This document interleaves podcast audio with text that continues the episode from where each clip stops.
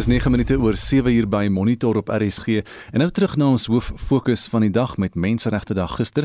Dit was dan nou ter herinnering aan die Sharpeville gebeure toe 69 mense op 21 Maart deur die polisie doodgeskiet is. En ons gaan net hierna gesprek hieroor hê en ons gaan in besonderhede daaroor gesels uh oor Menseregte Dag en al die gebeure van die afgelope 60 jaar.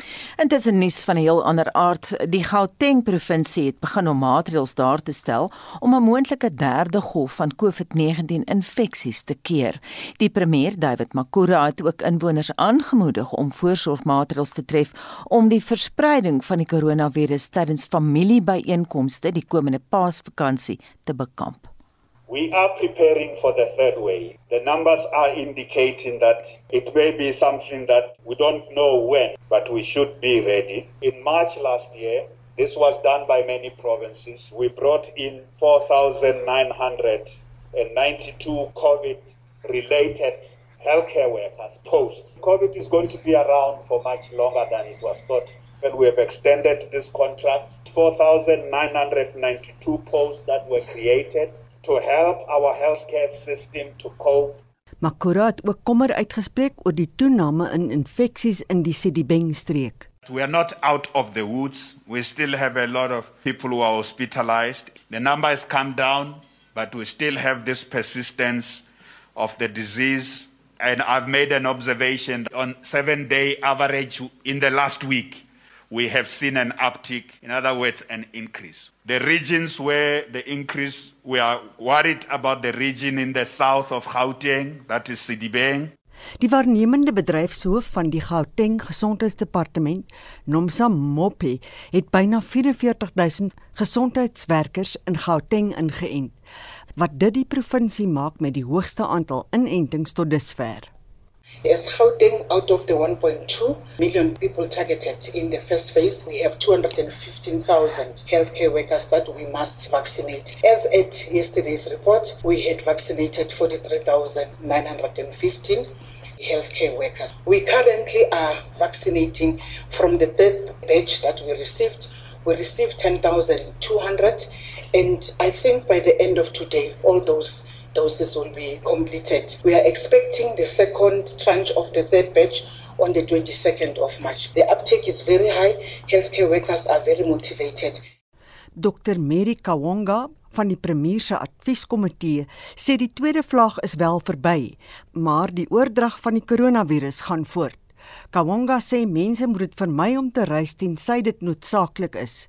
Sy sê daar is ook 'n risiko wanneer verskillende huishoudings saamkuier, selfs wanneer dit klein byeenkomste is. Apart from variants and reinfection possibility, that often when we relax measures and they become less stringent, often what follows is people's behavior starts to change. So gatherings come back, uh, people feel that they're now liberated. And so that's one of the issues that we're most concerned about. And I think the fact that we've now moved to lockdown level one, and we're now just soon before this long weekend that's coming up, two weeks later, we're going to have the Easter weekend. Family gatherings, religious and social gatherings are likely to happen. And so that's one of the reasons that, that, that there's caution about relaxed interventions. Often when we mix people from different households in small gatherings, they're also a risk.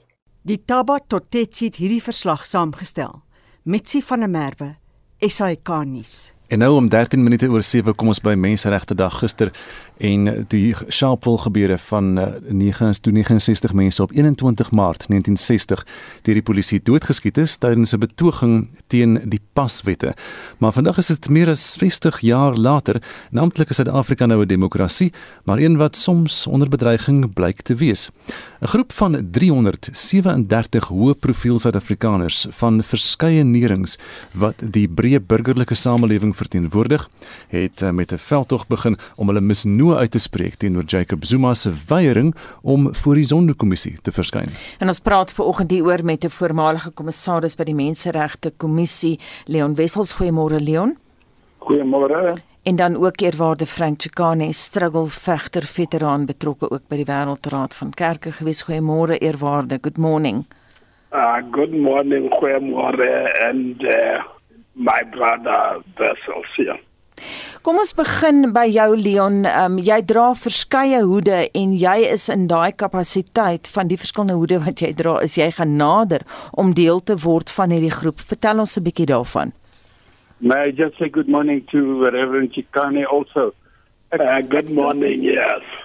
Yeah, good to meet you again. Uh, uh, die belangrikste rede hoekom uh ek betrokke is by die veldtog gaan natuurlik oor die meriete van die van die aangeleentheid, maar ek is uh 'n lid van twee organisasies te wete 'n uh, Constitutional Trust waarvan Cheryl Carolus die voorsitter is en ek is ook 'n lid 'n uh, raadslid van die organisasie vir die bevordering van die Suid-Afrikaanse grondwet uh wat deur uh Losse Naido en en en 'n klomp ander bekende uh, mense uh, gelei word en en beide hierdie organisasies is simpatiseerders en ondertekenaars van hierdie van hierdie deklarasie. Nou die die oogmerk is om organisasies soos die twee waarna ek pas verwys het op te roep tot aksie en te sê dis nou tyd om saam te staan, dis nou tyd om leiersfigure soos eerwaarde Chikani en sy ander makkers te ondersteun. En die reaksie, die positiewe reaksie wat ek ontvang het is is uiters bemoedigend. Hoekom spesifiek die fokus nou op Jacob Zuma? Wel, dit is 'n kritieke periode in uh in uh in ons land se geskiedenis. Eerstens, soos jy uitgewys het, Gustaf, ons herdenk uh en onthou Sharpeville 1960 maar dit is ook in hierdie jaar wat die Suid-Afrikaanse grondwet 25 jaar oud word. Verder uh is daar die belangrike konstitusionele verhoor eerskomende uh ek meen dit is donderdag uh waar die aansoek van van die sogenaamde sondekommissie aangehoor word om om om voormalig president Jacob Zuma aan te kla vir minagting van die hof. So dit is prominente oomblikke en die aanval wat uh, wat wat ek wil nie te disrespekvol wees nie wat wat uh, voormalige president Jacob Zuma en sy meelopers op die regbank en konstitusionalisme noem doen uh, regverdig optrede om dit baie duidelik te maak. Luister mooi. Mense wat om Shiniwam, om Shiniwam sing uh en en kamoufleer dag dans, julle is nie die enigste Suid-Afrikaners wat 'n stem het nie. Mhm. Mm Wetsgehoorsame burgers onder leiding van eerwaarde Frankie Kane en en en die reeks organisasies uh wat alreeds aangesluit het, het 'n ander siening oor oor uh, regmatigheid en het en deel nie julle siening oor wetteloosheid en disrespek vir die regbank nie. Ek wil tog nou 'n kritiese vraag vra. Julle praat nou van hierdie nuwe groepering, die groep van 337337 mense. Daar is nou organisasies wat aangesluit het by julle eerwaarde, maar is daar nie alreeds op hulle eie genoeg burgerlike instellings wat vergrype teen die demokrasie moniteer nie? Ek dink nou aan Paul Hoffman se Instituut vir Verantwoordbaarheid, die Instituut vir Rasseverhoudinge, die Ahmed Katrada Stichting. Mense sou so met 'n lang lys kon voortgaan. Hulle doen alreeds hierdie werk of hoe? Ek dink jy die vraag vir eerwaarde ja. kan ek gevra as ek reg. Ja, eerwaarde. I the another I thought you were still talking to uh, vessels um the let, let me just say, I mean, I, I wish I was fluent in Afrikaans. Unfortunately, I can't. Um, otherwise, I must speak Spulana, uh, which you won't hear either. so let, let me just say that um, besides not answer, understanding your question properly, the, this particular group uh, was put together. We started as a few people who are concerned. Remember that the constitution in a democracy is the consensus of the people of that country. Constitution is something that holds you together and you all agree that's how you want to govern yourself, relate to each other. Once one person says, I'm not going to work according to that constitution and the law, then we're going to end up in a lawless state and therefore instability. And I heard the question about why around former President uh, uh, Zuma. Actually, this is just an accident of history. It was going to happen. And so the fact is, he is the one who publicly said, I'm not going to uh, comply with the Constitutional Court ruling. And what is worse, and it's in the declaration statement, then there are people who go around the house almost like a militia and say the police won't be allowed to come here.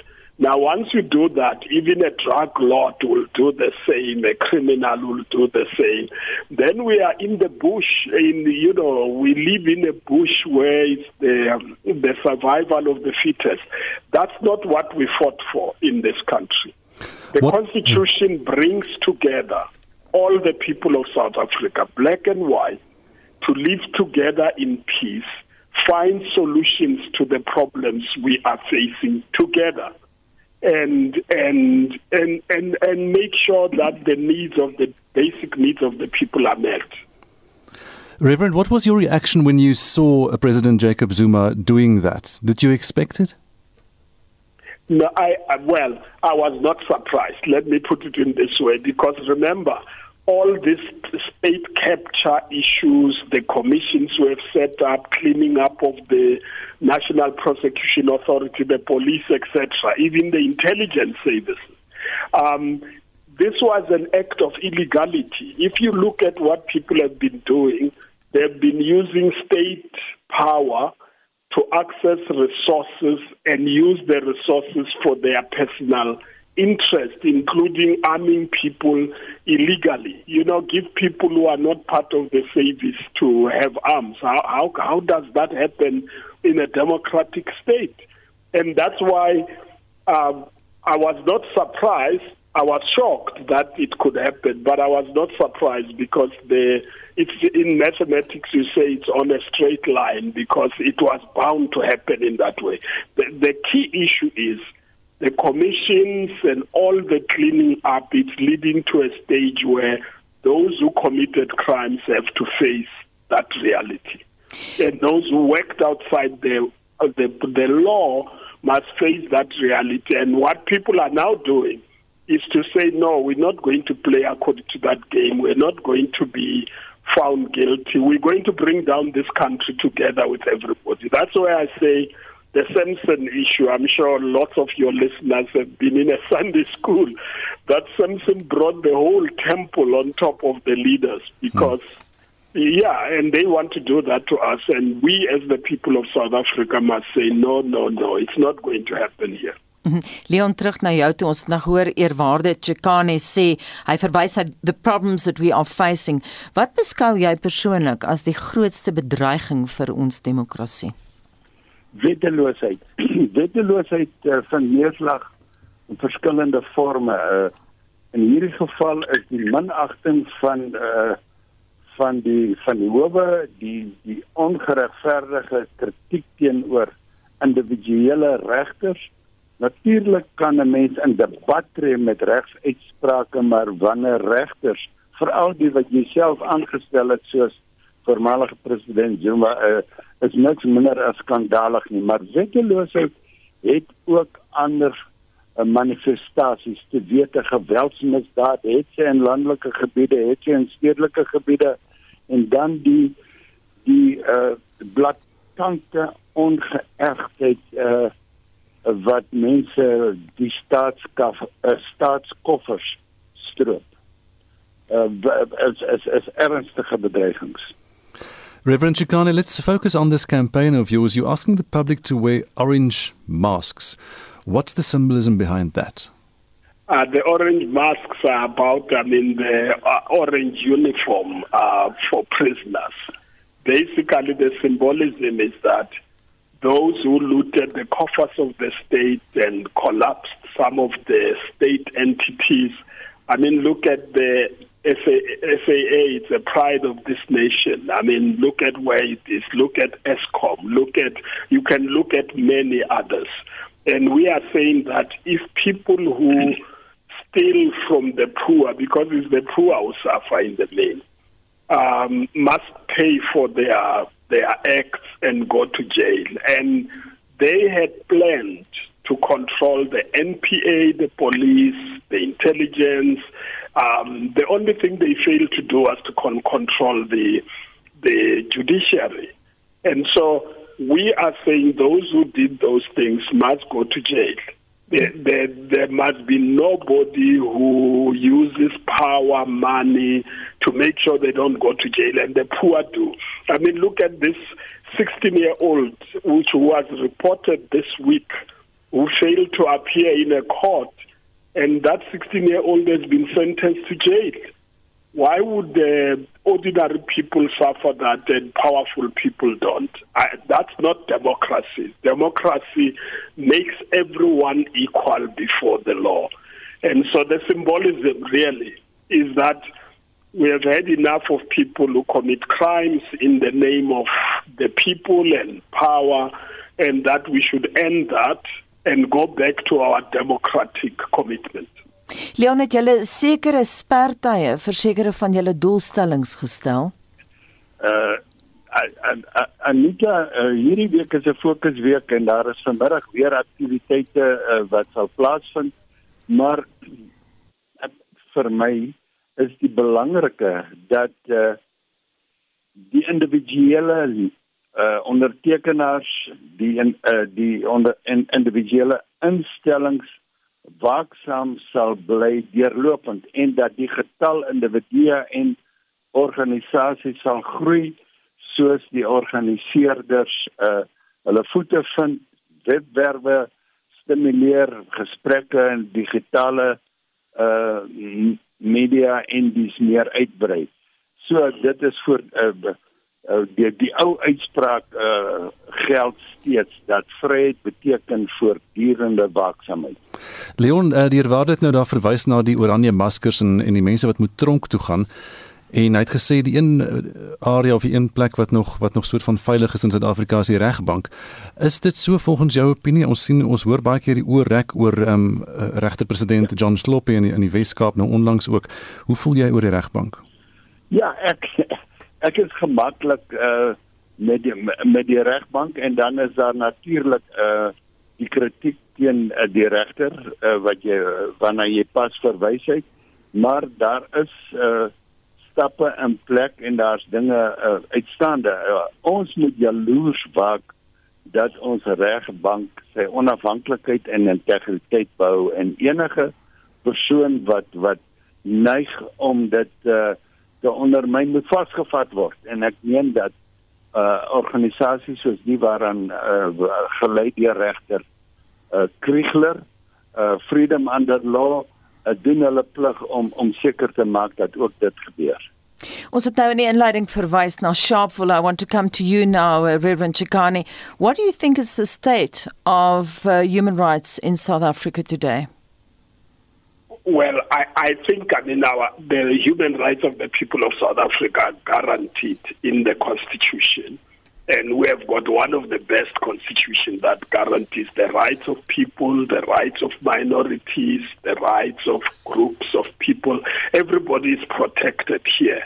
The only thing is more about the implementation of it. I think that's where the challenge would be. Um, like, for instance, we have not achieved the economic changes we needed to achieve. We have not changed the quality of lives of people who live in poverty. And the Constitution says there must be social and economic rights. So we have not done that.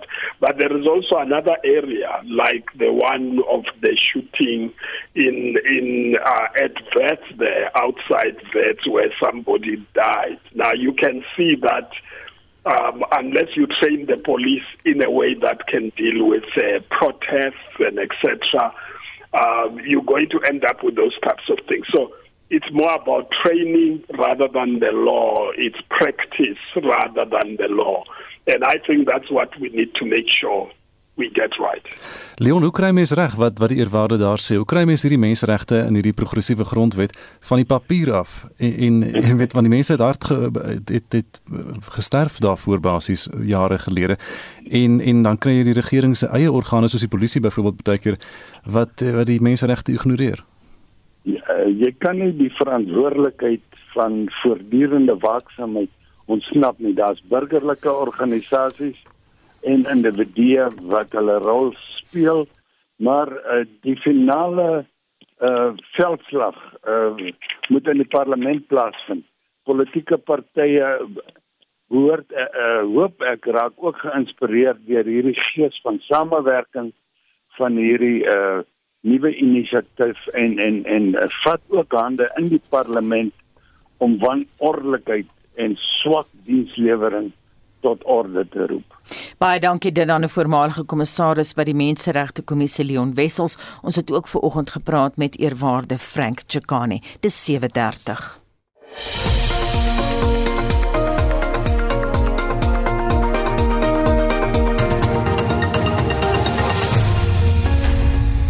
Heinrich. Anita, uh 'n boodskap uit Marlot Park sê ek was 18 jaar oud na matriek en my prins op sy wit perd was 24 en reeds 'n flikse boer na sy landboustudies toe ons in 1966 getroud is. Nog nie een dag spyt gewees daaroor nie. Daar was wel swaar kry daar ja, maar ons het nog altyd saam gestaan. En dan Noel hier in Johannesburg wat sê hi I was 21 when my late wife and I got married in 1980 and she passed away on August 21st 2020 I would not change a thing. Kom ons luister gou na hierdie stemnotas. Ek is al 47. Ek het nooit 'n ambisie om te trou nie. Ek het nie probleme met ander mense wat trou nie, maar ek het 'n klomp pelle wat uh, op maar net hulle tyd by die kansel gehad mors het. Jy jy sweer trou voor die Here, maar jou skelmpies sit ook in die kerk. In die seremonie.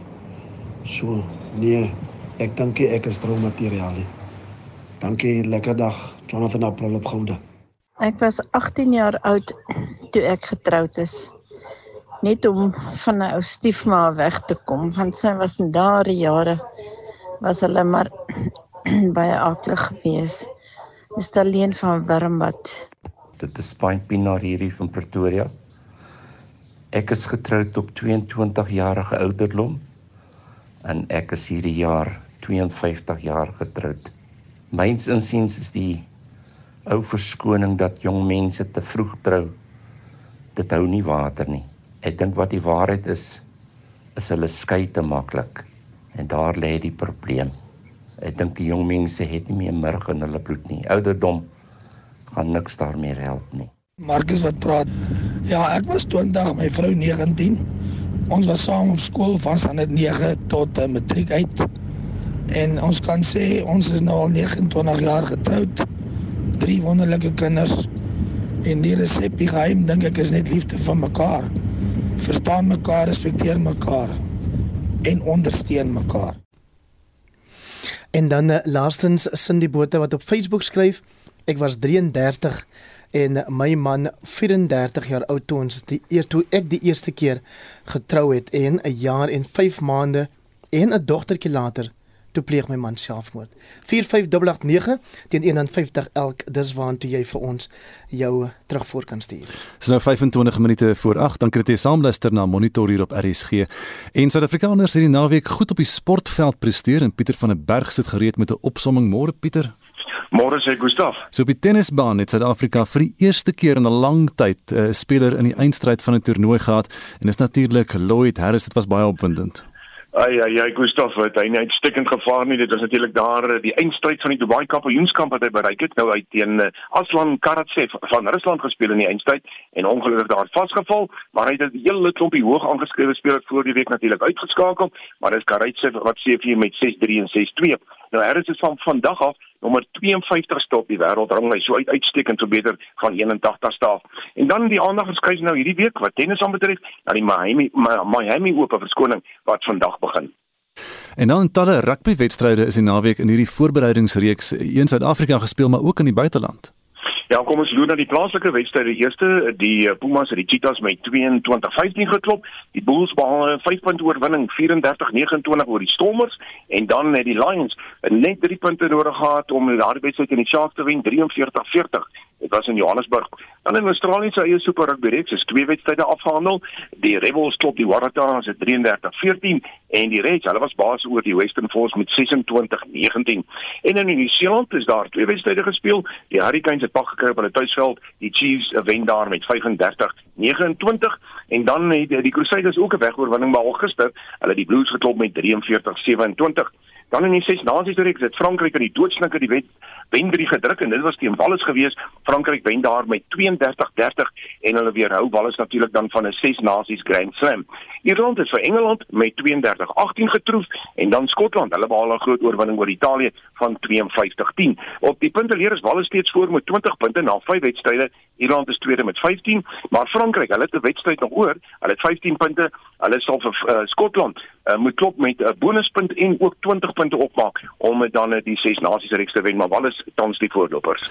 Van die rugby na vroue cricket in Suid-Afrika se vroue cricketspan was die naweek in twee wedstryde teen uh, teen Indië op die veld en Indië en Engeland se T20 reeks het toe nou ook ten einde geloop. Ja, Suid-Afrikaanse vrou het Saterdag in Lucknow hulle eerste T20 wedstryd met 8 paaltjies gewen. Gister het Indië 158-4 aangeteken in die tweede wedstryd, maar dit was Lizel Lee en Laura Wolfhard wat beide 50 talle behaal het in Suid-Afrika. Het die wenlopies van die laaste bal gemoek om daar met 6 paaltjies te wen en daarmee beklink Suid-Afrika op die reeks met 2-0. Die laaste wedstryd, die derde en laaste wedstryd word dan môre tussen die twee lande gespeel. En dan die vyfde en laaste eendag internasionaal, nee verskoning, die T20 wedstryd tussen Indië en Engeland se manspanne is aan Meidabad gespeel en Indië daar met 36 lopies geseëvier en hulle wen dan die reeks met 3-2. En dan dat plaaslike kriek dan betref Gustaf, die plaaslike vierdag reeks se eindstryd begin donderdag om 10:00. Dit sal in Durban gespeel word tussen die spanne van die Dolphins en die Titans. En daar's ook lekker golf gespeel in naweek, drie golftoernooie. Een was hier in Suid-Afrika gewees en dit was dan by die Ibotse buiteklub, net dis in Benoni. Dit is 100% reg. Ja, gister het daardie toernooi ten einde geloop. Dis die Gauteng Kampioenskap. JB Creer, hy sê vir met twee houe. Hy een, uh, eindig op 21 onder met Martin Rouwer tweede op 19 onder. Neil Skietekat, hy het 'n dubbele brouhou 7 op die syfer 5 18de aangeteken en hy eindig dan derde op 18 onder. Hierdie week word die Serengeti uh, uitdaag toernooi gespeel in die Sonskynreeks en ons sal van donderdag op RSG gereeld verslag doen oor daardie toernooi. En dan in die Europese reeks, goeie nuus vir Suid-Afrika. Die Kenya Open in Nairobi is deur Justin Harding van Suid-Afrika gewen in sy tweede Europese titel wat hy agter sy naam skryf. Kurt Katayama was tweede op 1900, Jacques Kruiswyk, hy was dan vyfde op 1500. En dan in die FSA was die fokus op die Honda Classic in Palm Beach Gardens, Florida. Matt Jones uit sy tweede uh, toernooi oorwinning van sy loopbaan behaal. Dit is die eerste keer in 7 jaar wat hy weer seëvier. Hy het op 1200 geëindig, 5 houe vir Brandon Haggie wat op 700 was. En dan hierdie het ek nie eers besef deur al die sport deur nie die jaarlikse Dusi Kano marathon het nou Saterdag ten einde geloop en maar die rekord se daar gespat, né? Ja, nee, Gustaf Doodreg, dis die derde en laaste skop wat Saterdag geroei was. Nou die mans afdeling het Andy Burke 'n nuwe rekord opgestel deur sy 8ste 18de volgende oorwinning te behaal. Dit is ook sy 11de titel van sy loopbaan. Nou die Oos-Londere die 120 km wedvaart van uh, met meer as 21 minute gewen. Uh, Hank McGregor, hy was tweede en David Evans, hy het derde geëindig. In die vroue wedvaart Christy McKenzie sy het geseëvier met Jordan Peak tweede en Brigitte Hartley wat derde geëindig het. Ons het laas Saterdag met jou gepraat hier op Naweek Aktueel en jy het genoem daar's verskeie sokkerwedstryde wat voorgelê het. Wat was toe in die uitslae daar? Ja, Gustav, kom ons loop na gister se uitslaan. Die DStv reeks is dit maar Mamelodi Sundowns en Black Leopards wat met 1-1 gelyk op speel. AmaZulu behaal 'n oorwinning van 2-0 oor eh, Tsakuma en dan Kaizer Chiefs en Orlando Pirates. Die groot wedstryd, die Chiefs was baas geweest met 1-0 en dan gister in die Engelse Premier Liga, Aston Villa verloor op hulle tuisveld teen Tottenham Hotspur met 0-2 en uh, West Ham United en Arsenal gelyk op gespeel met 3-1. En twee wedstryde in die FA beker gister afgehandel. Dis Leicester City wat vir Man United klop met 3-1 en Chelsea reken af met Sheffield United die telling daar twee doele teenoor 0. Monitor se sportmedewerker Pieter van der Berg. En ons praat nou oor internasionale nuusgebeure. Ons begin in Sydney.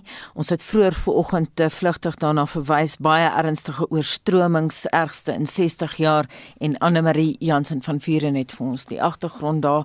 Goeiemôre. Môre Anita, sowat 20000 mense is reeds gedurende die laaste 3 dae in groot dele van Sydney na veiligheid geneem.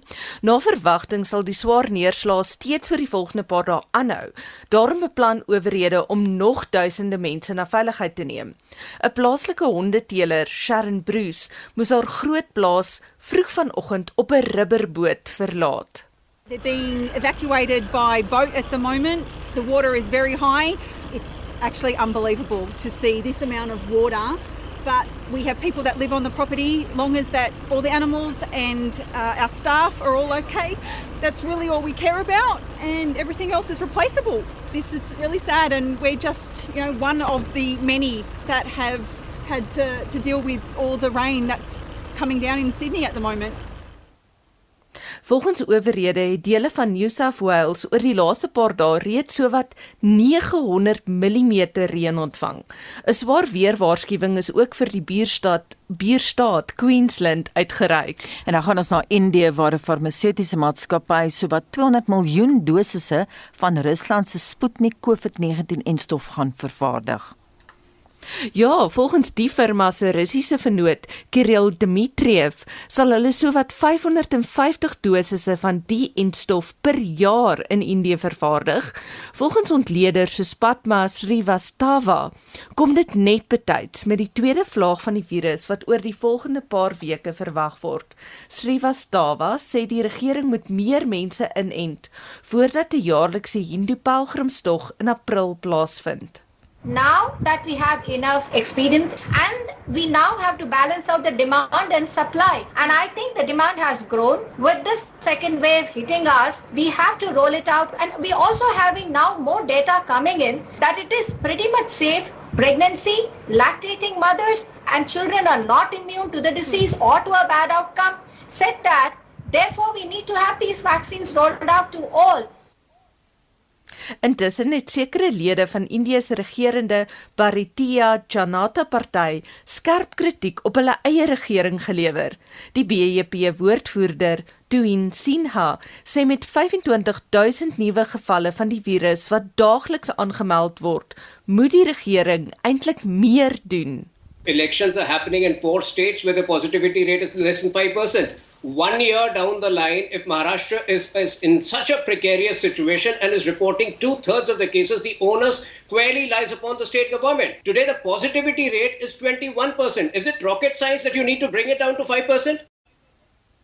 Tuin Sinha, die woordvoerder van Indië se regerende party. En dit was Annelie Jansen van Vuren met 'n oorsig van wêreldnuus gebeure. Dis nou so 16 minute voor 8 en Amerikaanse spesiale magte, die Green Berets, het onlangs begin met opleiding om die Mosambiekse weermag in staat te stel om die terreurgroepe in die noordoostelike dele van die land te verdryf. Nou volgens berigte gaan slegs 12 Amerikaanse soldate hierdie opleiding aanbied oor die volgende 2 maande. Vir meer daaroor praat ons nou met Willem Els van die Instituut vir Sekuriteitsstudies in Pretoria. Goeiemôre Willem. Goeiemôre Anita.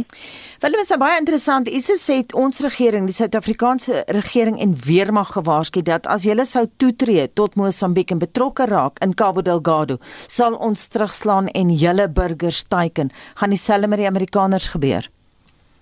Uh, ja, dit is 'n dit is 'n goeie vraag. Amerika is al reeds in die spervuur uh, vir geruime tyd van hulle af as gevolg van hulle betrokkeheid. So ek dink uh, hulle is baie meer gewat vir die as Suid-Afrika. Dis nie die enigste plek in Suid-Afrika in Afrika waar die Amerikaners betrokke is nie. Ons sien dat die Green Berets is ook betrokke in Niger waar hulle die land daar help en wat hulle baie goeie goeie goeie werk doen. So ehm uh, en daar was die vreeslike terugslag teen hulle as gevolg van dit nie. Hoekom dink jy is Amerika daar? Is dit president Joe Biden wat wil wêreldvrede hê of is daar belange om te beskerm? Is dit olie en gas of wat is daar aan die gang? Uh ek Gustav ek dink dit is 'n bietjie van alles.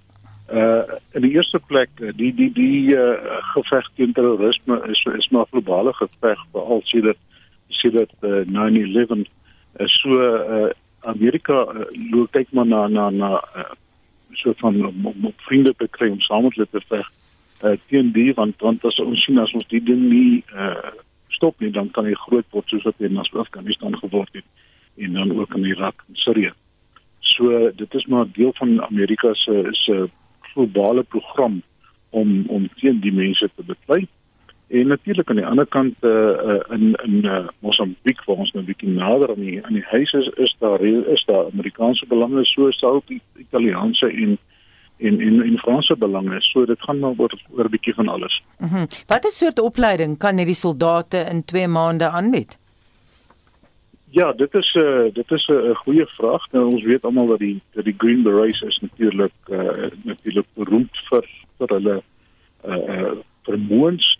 So ehm um, hulle gaan hulle gaan heel waarskynlik fokus op die spesmag of die speseenhede of die soldate wat reeds opgelei is en natuurlik dan 'n beter uh, kering gedoen het as wat die die normale soldate op die grond het. So ons dink hulle gaan so 'n bietjie meer na die spesiale tegnieke ensovoorts ensovoorts uh, fokus om te kyk of hulle nie daar 'n bietjie kan 'n uh, beter impak maak op die op die oorlog in, in Cabo Delgado. Maar is 12 soldate genoeg? Ek uh, twyfel of of of 12 heeltemal genoeg is. Dit gaan miskien 'n impak hê. Ons weet nie of daar nog gaan kom nie, maar ons weet ook dat die Portugese uh, sowel as die Engelse op pad is om te kom help met opleiding. So ons glo dat uh, as almal dan bydra dan gaan dit miskien as dit goed gekoördineer word kan dit dalk 'n impak hê. Ja. Ons weet ook ons het dikwels al in die verlede hieroor gepraat Suid-Afrikaanse privaat militêre maatskappye is ook daar betrokke. Die Russe is daar. Gaan hulle almal goed saamwerk saam met die Amerikaners? Hoeveel samewerking verwag jy Willem? Jong, eh, dit tradisioneel werk die mense nie heeltemal goed saam nie. Uh, ons sien dat na die na die Amnesty International se uh, verslag oor die Suid-Afrikaanse groep uh, DEC of meer Duitse groep het hulle die die helikopters teruggetrek en is hulle nou weer gefokus op die uh, teen uh, uh, uh, poaching wat wat aan die gang is waar hulle ook 'n kontrak het. So hulle is nie baie meer betrokke in in die gebied daar nie. Uh, die Russe self het ook heeltemal teruggetrek na Nakala toe. Ek dink dit daar behoort 'n goeie samewerking tussen hulle te wees is gevolg van regionale dinge. So uh op die einde van die dag gaan dit nou die Mosambiekers wees wat met hulle beter opgeleide uh um soldate en hooplik weer toegerus uh die die die die, die uh, mense sal moet aanvat. En wat van ons eie Suid-Afrikaanse nasionale weermag? Is hulle gee hulle enige bystand? Wat ons wel weet is dat uh in SADC is daar gevra dat Mosambiek moet 'n roadmap vir hulle voorsien dat hulle kan betrokke raak. Uh, en dit uh, volgens indikasies nou nog nie gebeur nie. Ek weet nie of hulle dit gebruik as 'n verskoning om om miskien nie betrokke te raak nie uh, as gevolg van verskillende redes, maar ons weet wel dat die vloot is betrokke met 200 mense wat daar is in 'n deel is van Operation Copper wat meer op op op, op jou uh, piracy is uh, teen piracy is uh, maar nie nie by die eerste insurgensie betrokke is nie. So daar is 'n betrokkeheid van Suid-Afrika, maar nie heeltemal direk nie. Willem baie dankie. Willem Els is van die Instituut vir Sekuriteitsstudies in Pretoria. Namibië se tweede Harambee welvaartplan is in Windhoek deur president Hage Geingob bekend gestel.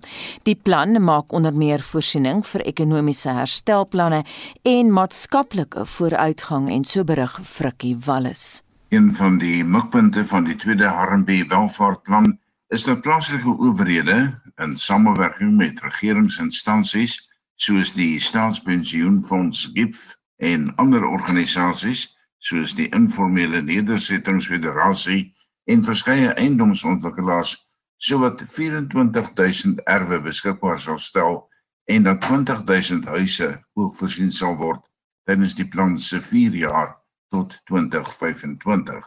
Ek het professor Nico Horn, 'n politieke waarnemer hier van Windhoek gevra om sy indrukke. Die plan bestaan basies uit 4 dele. Die eerste gaan oor effektiewe regering, dan sosiale progressie, infrastruktuurontwikkeling, ekonomiese vooruitgang en internasionale verhoudings en samewerking wat belangrik is Ekonomiese groei is 'n vereiste vir die plan om te werk, soos wat ons almal kan verstaan, om Namibië 'n geïndustrialiseerde ekonomie te maak en verder te ontwikkel. Om hierdie plan te verwesenlik, sal MTC aandele van 3 miljard verkoop om die Harambee 2 plan te finansier, het die president gesê. Danksy Namibië se hernubare energiebronne kan Namibië die eerste land in Afrika wees wat energie aan buitelanders verskaf. Verder beplan die regering 'n nuwe ontsoutingsuiwering in die Rongo wat ook sal help met die watertekort in groot dele van die land. Uh, 'n verbeterde gesondheidstelsel wat van die agtergeblewene gemeenskap op hulle voete sal bring. Die president het ook weer beklemtoon as 'n deel van die nasie of die volk nie saamtrek nie en aan, voortdurend agterbly, is daar ook geen kans vir vooruitgang in die groter gemeenskap nie. Namibië is ook van plan om terug te ploeg in die internasionale gemeenskap waaruit die land met die hulp van die VN gegroei het. En dan verwys die president in die eerste plek na die lande rondom ons, die SADC lande veral en hy bevestig dat Namibië nie net met SADC nie wat wel op die voorgrond is nie, maar met die res van die wêreld 'n noue samewerkingsooreenkomste wil werk. Aansluiting by die slagspreuk die Afrika wat ons wil hê, het die president laastens beklemtoon dat sonder ontwikkeling in die Afrika lande rondom ons is daar ook geen kans vir Namibië om sy Harambee planne uit te voer nie. Dit was professor Nico Horn, 'n politieke waarnemer van Windhoek. Frikkie Wallis op Swakopmund. En is nou 8 minute voor 8 na Marokko en Rusland het die week die toenemende konflik in Wes-Sahara bespreek. Die woestynstreek grens aan die Atlantiese kus noord van Mauritanië. In November het 'n 30-jarige skietstilstand tussen Marokko en die sogenaamde Sahrawi-Arabiese Demokratiese Republiek tot 'n einde gekom. Nou sedertdien tuister aanvalle hierdie gebied en Anne Marie Jansen van Vuren berig. 3 maande gelede het president Donald Trump besluit om Marokko se soewereiniteit oor Wes-Sahara te erken. Intussen het gevegte tussen Marokkaanse troepe en die pro-onafhanklikheidsgroep, die Polisario Front, uitgebreek.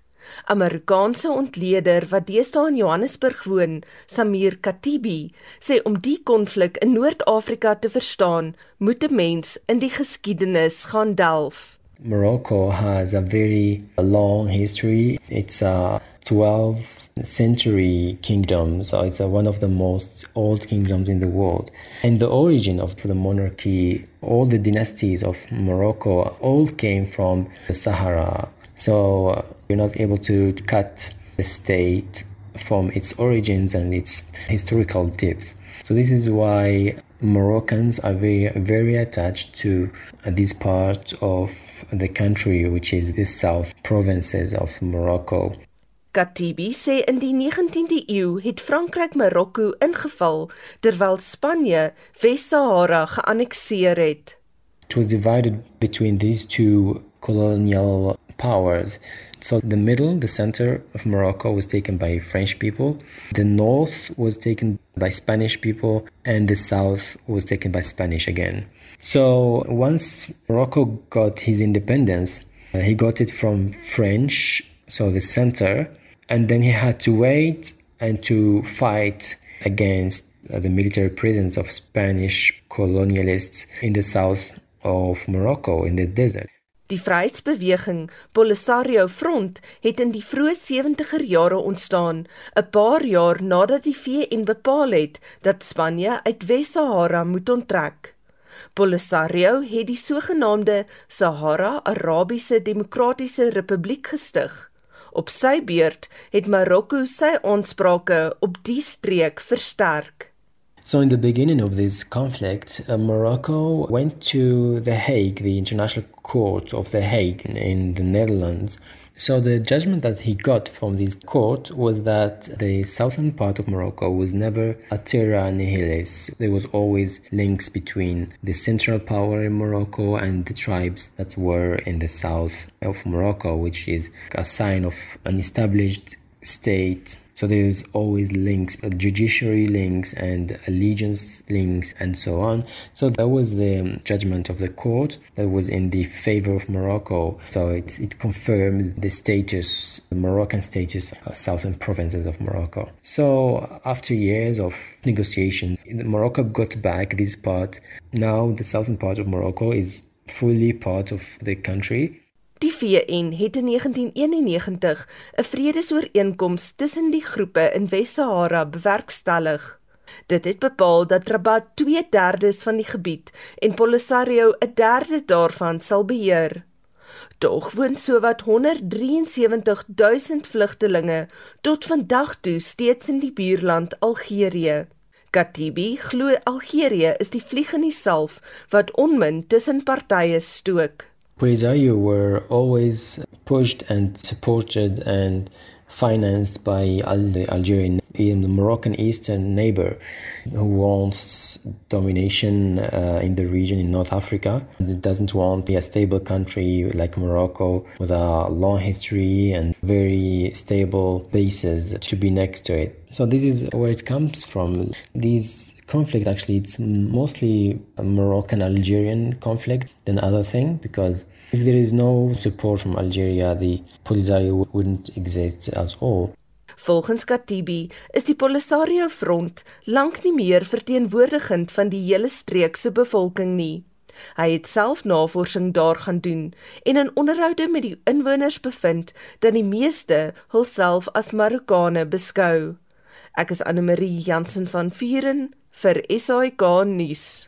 By hartseer SMS vanoggend gekry ons praat oor huwelike en egskeidings oor die man wat selfmoord gepleeg het, nie lank nadat hy getroud is nie en nog na 'n baba, maar hopelik het ons nou vrolike e-pos terugvoer ook Andre. Anita ja, dit lyk my daar is die wat glo vroeg trou is nie 'n slegte idee nie en ander wat weer sê nee, jy moet dalk wag tot later toe soos Marian Snyman wat sê man skry mos eers verstand op 35 jaar. 35.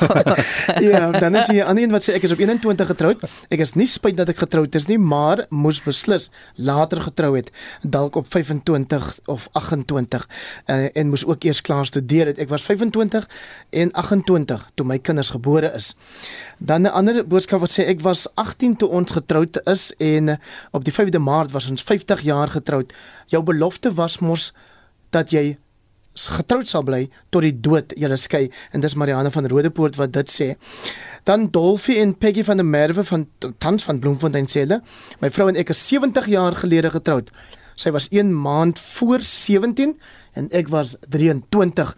Ons was bevoorreg om op 5 Augustus verlede jaar ons 70ste huweliksherdenking te vier. Weens die inperking was dit nou maar 'n stil affære. Ons geluk is geskoei op ons liefde vir die Here en ons was nog nooit eendag spyt nie. Dan Flip en Fransie van der Walt wat sê Ons was 21 en 18 toe ons byna 55 jaar gelede getroud is. So ons sou niks wou verander nie en ons is nog net so lief vir mekaar. Ons wens dit ons kan hierdie 55 jaar weer oor hê. Dankie Here vir u genade. En dan 'n laaste voorlaaste een Johan Beker wat sê ek en my vroutjie was 28 as getroud toe sy 20 was en ek 21 ons is nou 58 jaar gelukkig getroud. Hmm. Min mense weet vandag hoe om konflik te hanteer, daarom is egskeiding die maklike uitweg. En dan iemand anders wat sê as die huwelik dan nou so wonderlik is, waarom kla die getroude mense altyd by die ongetroudes? Dis alles 'n front. Die mense is nie gemaak om 'n leeftyd met een mens deur te bring nie. Dis harde werk. Ons moet gaan perde koop hier na Hendrik. Ehm um, Anne Marie, hoe lyk die dagboek vir Spectrum later vanmiddag? Gustav op internasionale waterdag kyk ons nou hoe kwessies rondom waterbestuur die politiek en beleid beïnvloed.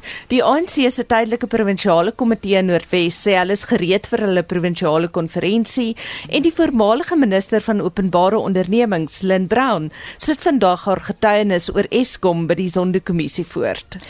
Ons groet namens ons waarnemende uitvoerende regisseur Wesop Pretoria is die redakteur vanoggend was Justin Kennerly. Ons produksieregisseur Daitron Godfrey en my naam is Anita Visser. Monitor is terug môreoggend om 6:00. Ek is Gustaf Vreiding en Renske Jacobs is reg daar met die 8:00 nuus nou.